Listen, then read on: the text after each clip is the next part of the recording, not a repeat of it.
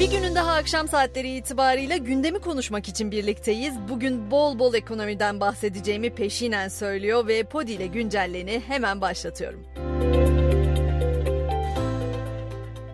Öncelikle bu sabah yanıyoruz demiştim. Mecazsız gerçek anlamda diye de eklemiştim. Küresel ortalama sıcaklığın 17,01 derece ölçüldüğü 3 Temmuz en sıcak gün olarak kayıtlara geçmişti. Ama dünyadaki sıcaklık rekoru 24 saat içinde tazelendi ve 4 Temmuz'da küresel ortalama sıcaklık 17,18 dereceye ulaştı. Bilim insanları sıcaklık rekorlarının özellikle gelecek 6 hafta boyunca yeniden görülebileceği uyarısında bulunuyor. Ama sıcaklık kadar zamlar da yaktı bugün hepimizi. Haziran enflasyonu belli oldu, ortalık karıştı, düzen bozuldu. TÜİK verilerine göre aylık enflasyon %3,92, yıllık enflasyon ise %38,21 oldu.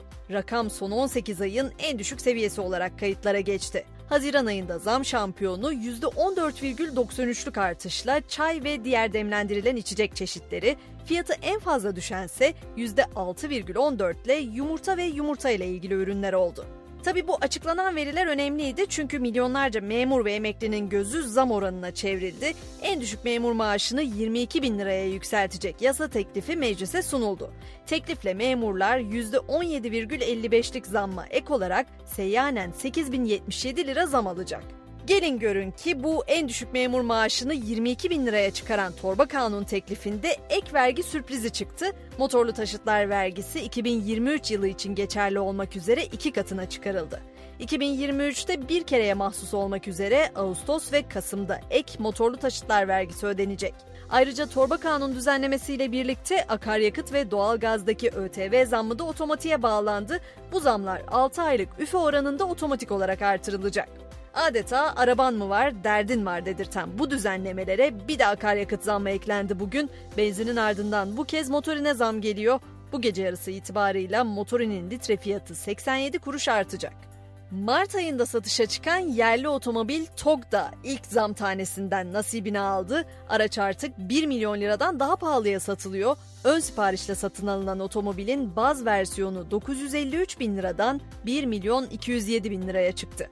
Bitti mi? Bitmedi. Enflasyon verilerinin ardından alkol ve sigaraya gelecek ÖTV zammı da belli oldu. Sigara ve alkollü içeceklerden alınan ÖTV miktarı %14,81 oranında artırıldı.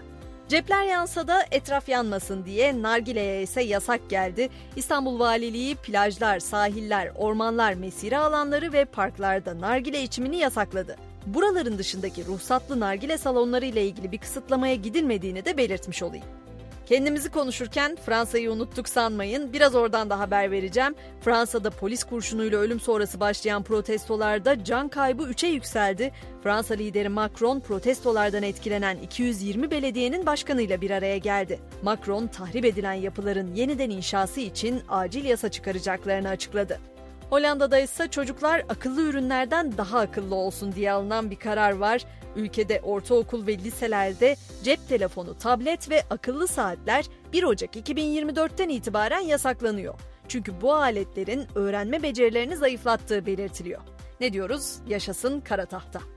Akıl sağlığı kadar vücut sağlığı da önemli tabii ki. Bu konuda da Japonya'dan umut vaat eden haberler var. Japon bir araştırma ekibi fareler üzerinde yaptıkları deneylerde dişleri olmayan farelerde yeni diş çıkarmayı başardı. Araştırma grubu başkanı klinik deneyler sonrası insanların dişlerini de yeniden çıkarmayı sağlayabileceklerini açıkladı.